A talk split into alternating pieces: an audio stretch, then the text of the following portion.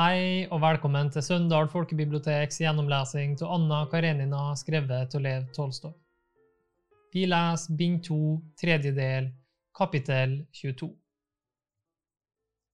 Klokken nærmet seg allerede seks, og for å komme tidsnok og samtidig slippe å kjøre med sine egne hester som alle kjente, hadde Vronskij satt seg i Jasvins drosjevogn og gitt ordre om å kjøre så fort råd var. Den gamle firseterdrosjen var rommelig. Han satte seg i et hjørne, strakte bena ut på gulvet mellom setene og fordypet seg i tanker. En vag bevissthet om den klare orden sakene hans var brakt i, en vag erindring om Serpusjovskojs vennskap og smiger, og at han hadde regnet ham som en nødvendig mann, og fremfor alt forventningen foran stevnemøtet, alt fløt sammen i et inntrykk av frydefull livsfølelse. Denne følelsen var så sterk at han måtte smile. Han satte bena ned, la det ene kneet over det andre, grep med hånden om den spenstige leggen han hadde slått i fallet dagen i forveien, og kjente på den, kastet seg tilbake og pustet noen ganger av fullt bryst. Utmerket, riktig utmerket, sa han til seg selv.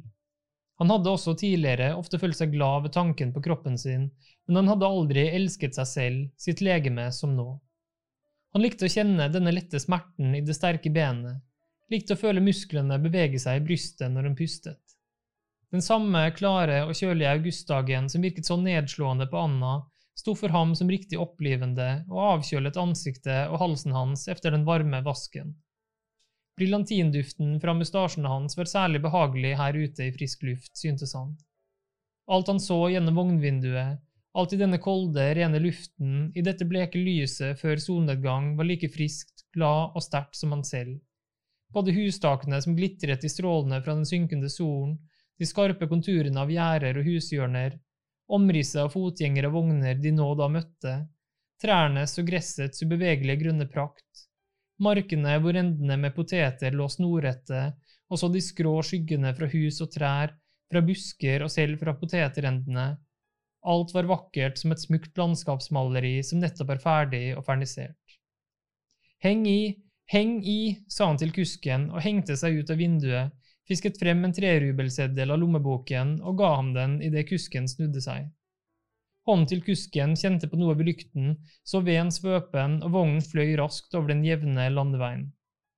Intet, intet annet enn denne lykken trenger jeg, tenkte han der han satt og så på benknotten til klokken på vindusstolpen og så for seg Anna slik han hadde sett henne siste gang.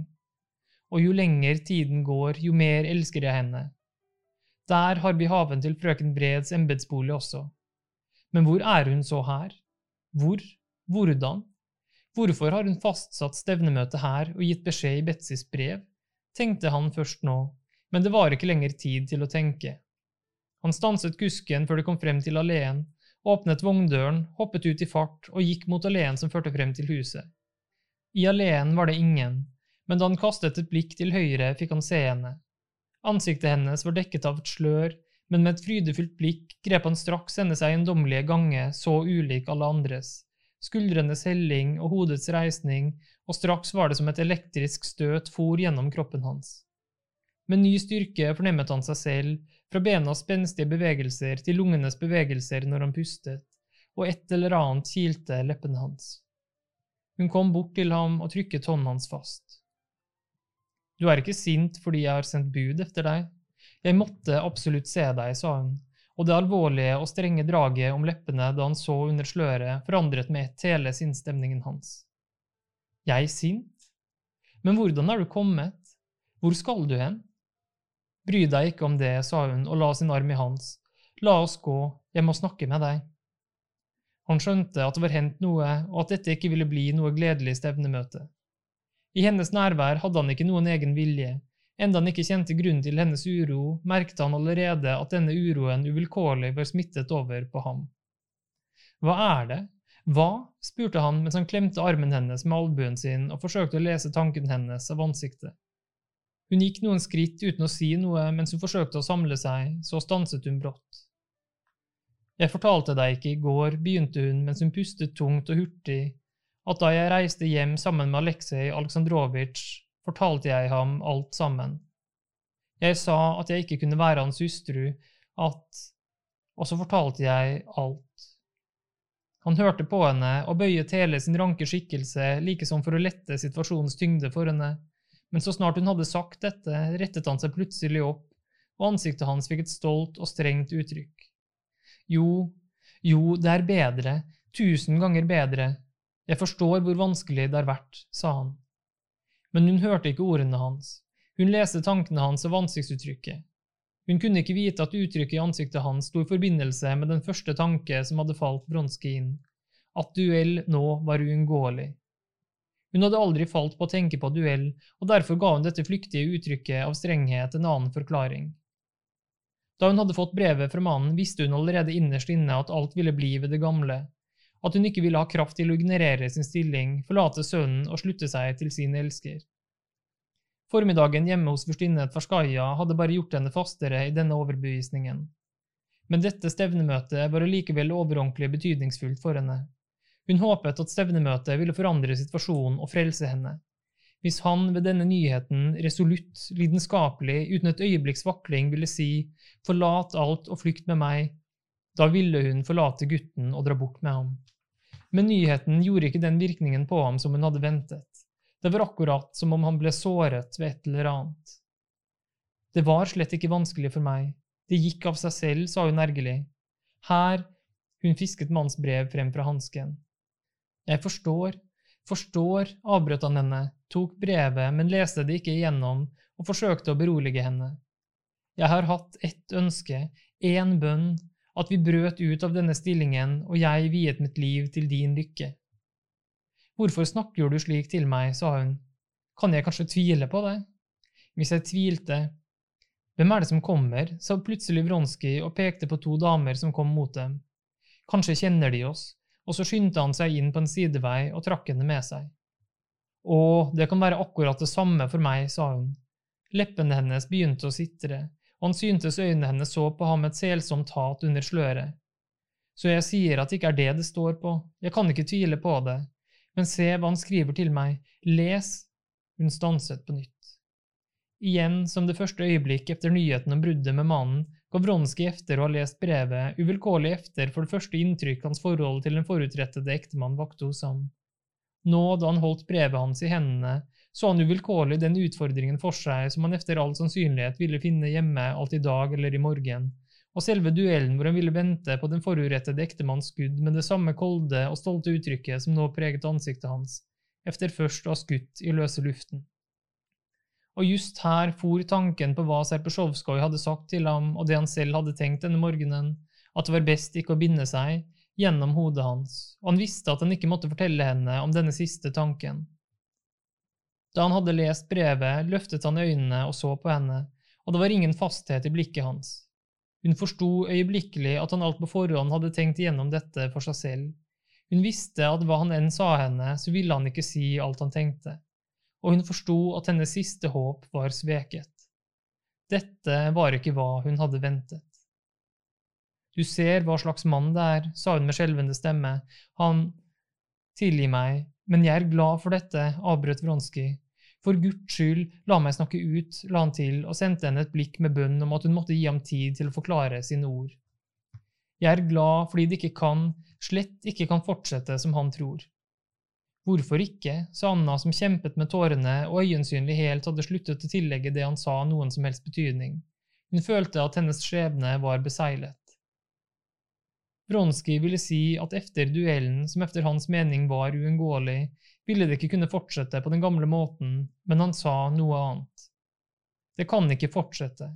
Nå håper jeg du vil forlate ham, jeg håper, han ble forvirret og rødmet, at du vil tillate at jeg tenker litt på vårt felles liv og ordner det som trenges. I morgen, begynte han. Hun lot ham ikke snakke ut. Men gutten, utbrøt hun, ser du ikke hva han skriver? Jeg må forlate ham, og det verken kan eller vil jeg gjøre. Men herregud, hva er best? Reise fra gutten eller fortsette i denne nedverdigende stillingen? Nedverdigende for hvem? For alle og først og fremst for deg. Du sier nedverdigende. Si ikke det. Det er ord uten mening for meg, sa hun med skjelvende stemme. Nå ville hun ikke at han skulle si noe som ikke var sant. Det eneste hun hadde igjen, var hans kjærlighet, og hun ville elske ham. Du må forstå at fra den dagen av da jeg fikk deg kjær, er alt blitt forandret. For meg er det bare en eneste ting som betyr noe, din kjærlighet. Har jeg den, føler jeg meg så høyt hevet, så trygg at intet kan være fornedrende for meg. Jeg er stolt av min stilling, for stolt av Stolt Hun nådde ikke frem til det hun var stolt av. Skammens og fortvilelsens tårer kvalte stemmen hennes. Hun stanset og brast i heftig gråt. Han følte også at noe steg opp i halsen hans, rev ham i nesen, og for første gang i hele sitt liv var han på gråten. Han ville ikke kunne si hva det var som gjorde ham så rørt.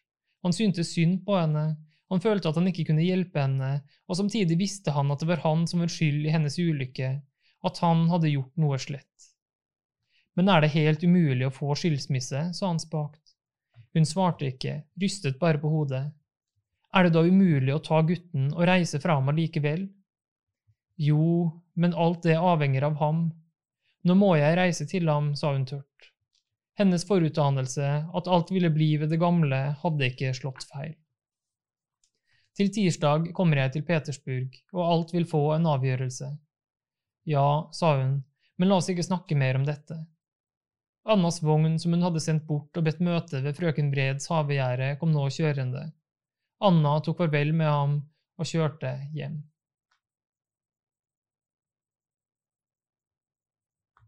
Kapittel 22 om mandagen var det som vanlig møte i kommisjonen av den 2. juni.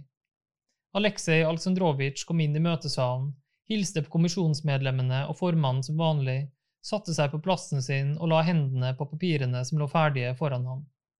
Blant disse papirene lå også de nødvendige opplysningene som var innhentet, og konseptet til den erklæringen han aktet å komme med. For øvrig ville han ikke få bruk for opplysningene, han husket alt sammen og anså det ikke for nødvendig å repetere i tankene alt han ville si. Han visste at når tiden var inne og han overfor seg så ansiktet til sin motstander som forsøkte å anlegge et likegyldig uttrykk, ville talen hans strømme bedre enn han kunne forberede nå. Han følte at innholdet av talen hans ville bli så storartet at hvert ord ville ha betydning. Samtidig hørte han på det sedvanlige foredraget med det mest uskyldige og harmløse uttrykk av verden. Ingen som så på hans hvite hender med fremtredende årer og lange fingre som så ømt følte seg frem langs kantene av et ark hvitt papir foran ham, på det trette ansiktsuttrykket der han satt med hodet på skakke, skulle tro at det straks ville strømme en slik tale frem over hans lepper at den ville reise en fryktelig storm, få kommisjonsmedlemmene til å skrike i munnen på hverandre og formannen til å kalle til orden. Da foredraget var ferdig, meddelte Aleksej Aleksandrovitsj med sin rolige, tynne stemme at han aktet å fremlegge noen av sine betraktninger angående saken om bedring av den ikke-russiske befolkningskår. Oppmerksomheten samlet seg nå om ham. Aleksej Aleksandrovitsj renset strupen, så ikke på sin motstander, men gjorde som han alltid pleide når han skulle holde en tale, og valgte seg den som satt nærmest midt imot ham, en liten, fredelig gammel herre som aldri hadde ytret noen mening i kommisjonen, og begynte så å fremlegge sine betraktninger. Da saken nådde frem til en grunnleggende og organiske lov, for motstanderen opp og tok til gjenmæle. Stremov, som også var medlem av kommisjonen og likeledes ille berørt, begynte å unnskylde seg. Det ble i det hele tatt et stormfullt møte. Men det ble Aleksej Aleksandrovitsj som kunne triumfere. Hans forslag ble vedtatt. Det ble nedsatt tre nye komiteer, og i en viss Petersburg-krets snakket man ikke om annet enn dette møtet den følgende dag. Aleksej Aleksandrovitsj hadde endog vunnet en større seier enn han selv hadde ventet. Morgenen efter, tirsdag, mintes Aleksej Aleksandrovitsj med velbehag gårsdagens triumf så snart han våknet, og enda han ønsket å virke likegyldig, kunne han ikke la være å smile da byråsjefen, som gjerne ville smigre ham, fortalte ham om rykter han hadde hørt om det som var hendt i kommisjonen. Aleksej Aleksandrovitsj var opptatt med byråsjefen og hadde rent glemt at det nå var tirsdag, den dagen han hadde bestemt at Anna Arkadjevna skulle komme, og han ble forbauset og ubehagelig overrasket da en tjener kom for å melde hennes ankomst. Anna kom til Petersburg tidlig om morgenen. Det ble sendt en vogn efter henne, noe hun telegrafisk hadde bedt om, og derfor kunne Aleksej Aleksandrovitsj vite at hun kom. Men da hun var fremme, møtte han henne ikke. Hun fikk beskjed om at han ennå ikke hadde vist seg, men var opptatt med byråsjefen. Hun ga ordre om å meddele mannen at hun var kommet, gikk så inn på sitt eget kabinett og ga seg til å ordne sakene sine mens hun ventet på at han skulle komme inn til henne. Men en time gikk uten at han kom. Hun gikk ut i spisesalen under påskudd av å skulle ordne noe og snakket med vilje særlig høyt i håp om at han skulle komme dit, men han kom ikke ut, enda hun hørte ham følge byråsjefen til døren inne på arbeidsværelset. Hun visste at han nå vanligvis reiste på arbeidet, og hun ville treffe ham før det skjedde, så forholdet mellom dem kunne bli klarlagt. Hun vandret om i spisesalen og tok så besluttsomt veien inn til ham. Da hun kom inn på arbeidsværelset, satt han i hverdagsuniform, tydeligvis ferdig til å reise, med albuene støttet på det lille bordet og så mismodig rett fremfor seg. Hun så ham før han så henne, og forsto at han tenkte på henne. Da han fikk øye på henne, ville han reise seg, slo så dette fra seg, men så for rødmen over ansiktet hans, noe Anna aldri før hadde sett. Og han reiste seg hurtig og kom henne i møte mens han ikke så henne i øynene, men hadde blikket festet høyere oppe, på pannen hennes og frisyren. Han kom bort til henne, tok henne i armen og bød henne en stol. Det gleder meg meget at De er kommet, sa han idet han satte seg ved siden av henne.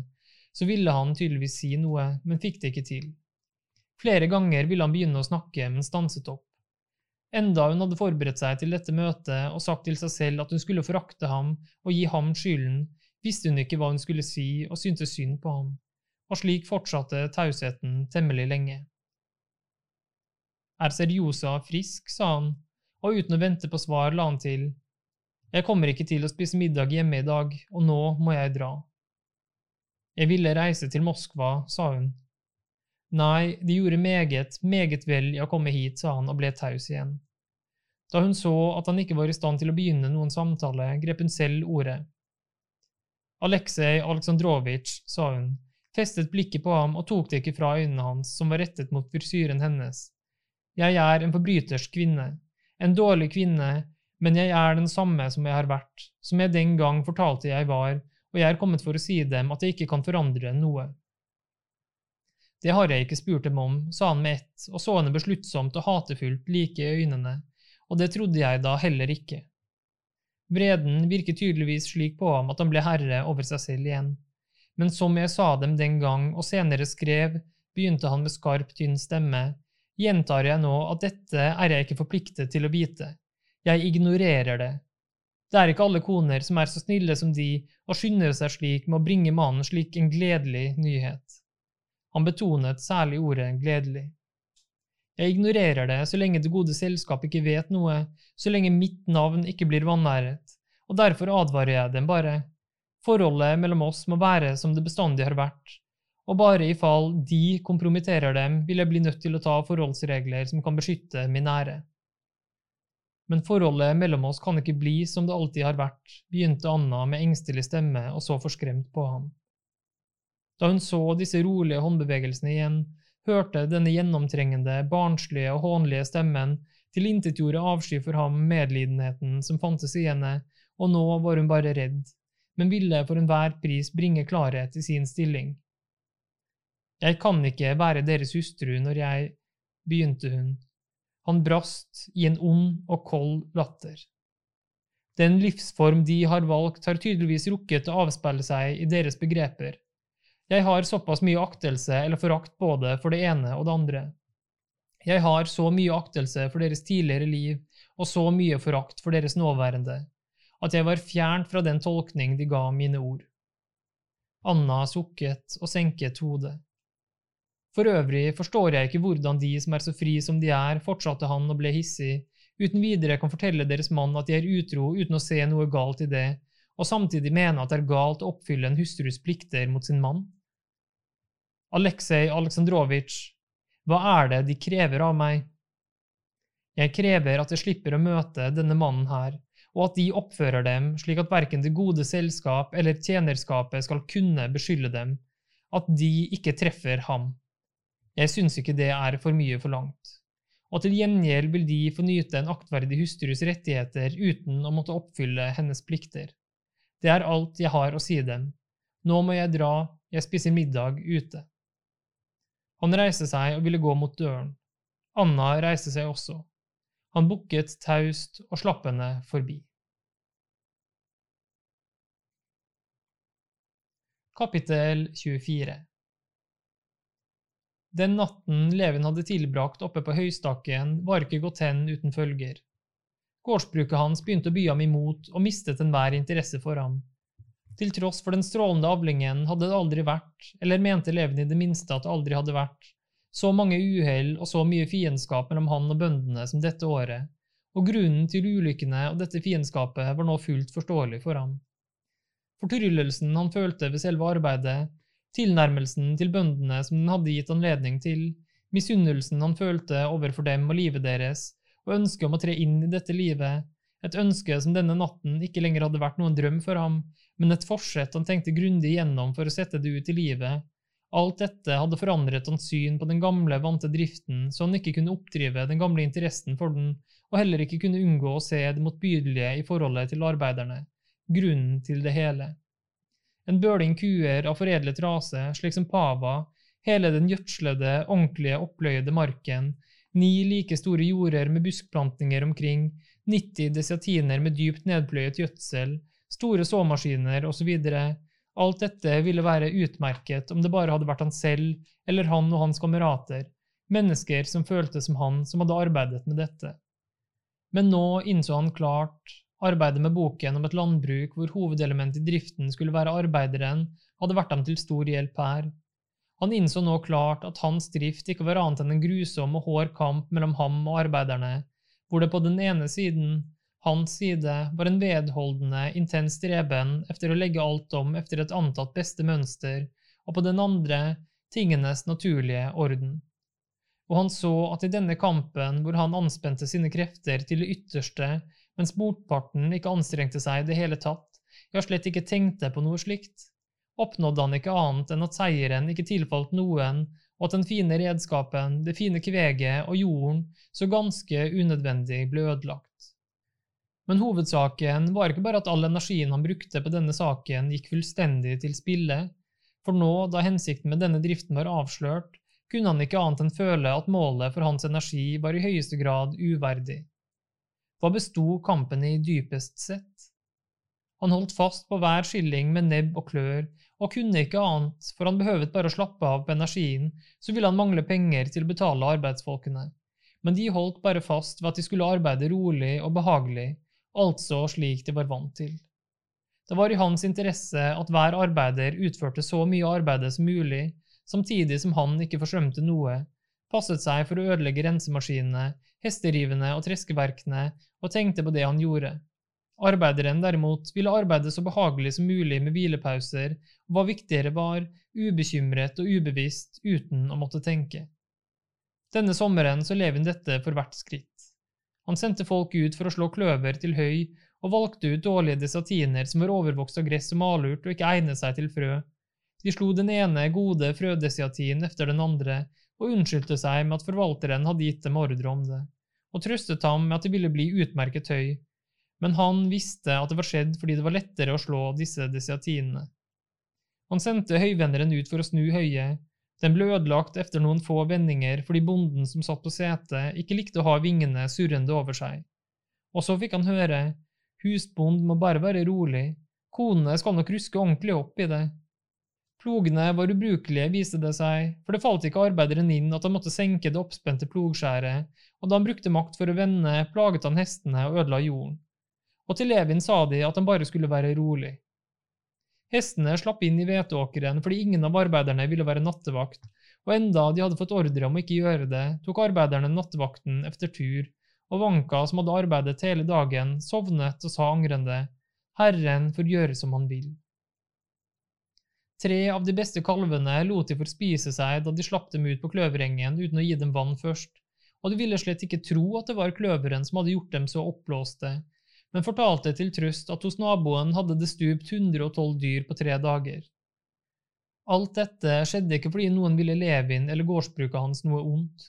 Tvert imot, han visste at han var avholdt og ble regnet for en like til herremann, hvilket er den høyeste ros. Nei, dette skjedde bare fordi folkene ville arbeide glad og sorgløst, og hans interesser var ikke bare fremmede og uforståelige for dem, men sto i fatal motsetning til deres egne aller rimeligste interesser. Altfor lenge siden hadde Leven begynt å føle misnøye med sitt forhold til driften. Han så at båten hans var lekk, men han fant ikke lekkasjen, lette heller ikke efter den, kanskje ville han ikke se sannheten, men nå kunne han ikke bedra seg selv lenger. Som han drev godset, ble driften ikke bare uinteressant, men motbydelig, og han greide ikke å ha noe mer med den å gjøre. Til alt dette kom så at Kitty Tsjetsjebatskaja befant seg 30 verst borte, henne han ville, men ikke kunne se. Darja Aleksandrovna Oblonskaja hadde bedt han komme den gang han besøkte henne, komme for å gjenta frieriet til søsteren, som efter det hun lot ham forstå, nå ville si ja. Levin selv hadde forstått da han så Kitty Tsjetsjebatskaja, at han ikke hadde holdt opp å elske henne, men han kunne ikke reise til Oblonskis når han visste at hun var der. At han hadde fridd til henne og hun avvist ham, hadde lagt et uoverstigelig hinder mellom ham og henne. Jeg kan ikke be henne om å bli min hustru, bare fordi hun ikke kan bli den manns hustru som hun ønsket, sa han til seg selv. Tanken på dette skapte kulde og fiendskap mot henne i ham. Jeg vil ikke være i stand til å snakke med henne uten bebreidelse, se på henne uten nag, og hun vil bare legge meg enda mer for hat, noe som er ganske rimelig. Og dessuten, hvordan kan jeg nå, efter det Darja Aleksandrovna sa til meg, reise til dem? Vil jeg kanskje kunne unngå å vise at jeg vet hva hun har fortalt meg? Og jeg vil komme som den høysinnede, for å tilgi henne og ta henne til nåde igjen. Foran henne vil jeg spille rollen som den der tilgir henne og gjøre henne verdig sin kjærlighet. Hvorfor skulle Darja Aleksandrovna si dette? Hadde jeg fått se henne ved et tilfelle, kunne alt ha gått av seg selv, men nå er det umulig, umulig, Darja Aleksandrovna hadde sendt ham en billett og bedt ham låne Kitty en damesal. Jeg har hørt at de har en slik sal, skrev hun til ham, jeg håper de kommer med den selv. Dette var mer enn Levin kunne greie. Hvordan kunne en klok, fintfølende kvinne fornedre sin søster slik? Han skrev ti billetter, men rev alle i stykker og sendte salen uten svar i det hele tatt. Å skrive at han ville komme, var umulig, for han kunne ikke komme, å skrive at han ikke kunne komme fordi noe var kommet i veien eller fordi han skulle reise bort, ville være enda verre. Han sendte salen uten noe svar og visste at han burde skamme seg, og alt dagen efter overlot han hele den kjedsommelige gårdsdriften til forvalteren og reiste til sin venn Svijarski i et herred langt borte. Omkring Svijarskis gods lå det noen herlige myrer fulle av dobbeltbekasiner, og nå hadde han nylig skrevet til Levin og bedt ham gjøre alvor av sitt gamle forsett og komme på besøk til ham. Bekasinmyrene i Surovherredet hadde alt lenge fristet Levin, men på grunn av arbeidet med jorden hadde han stadig utsatt reisen. Men nå var han glad for å kunne reise, både fra naboskapet til Tsjetsjebatskis og særlig fra gårdsbruket nettopp for å gå på jakt, hans beste trøst i alle sorger. Takk for oppmerksomheten. Oppleser var Torgeir Brun. Podkasten er produsert av Sunndal folkebibliotek ved Torgeir Brun. Det prosjektet her er støtta av Nasjonalbiblioteket, og takk til Gyllendal Norsk Forlag for bruk av deres oversettelse.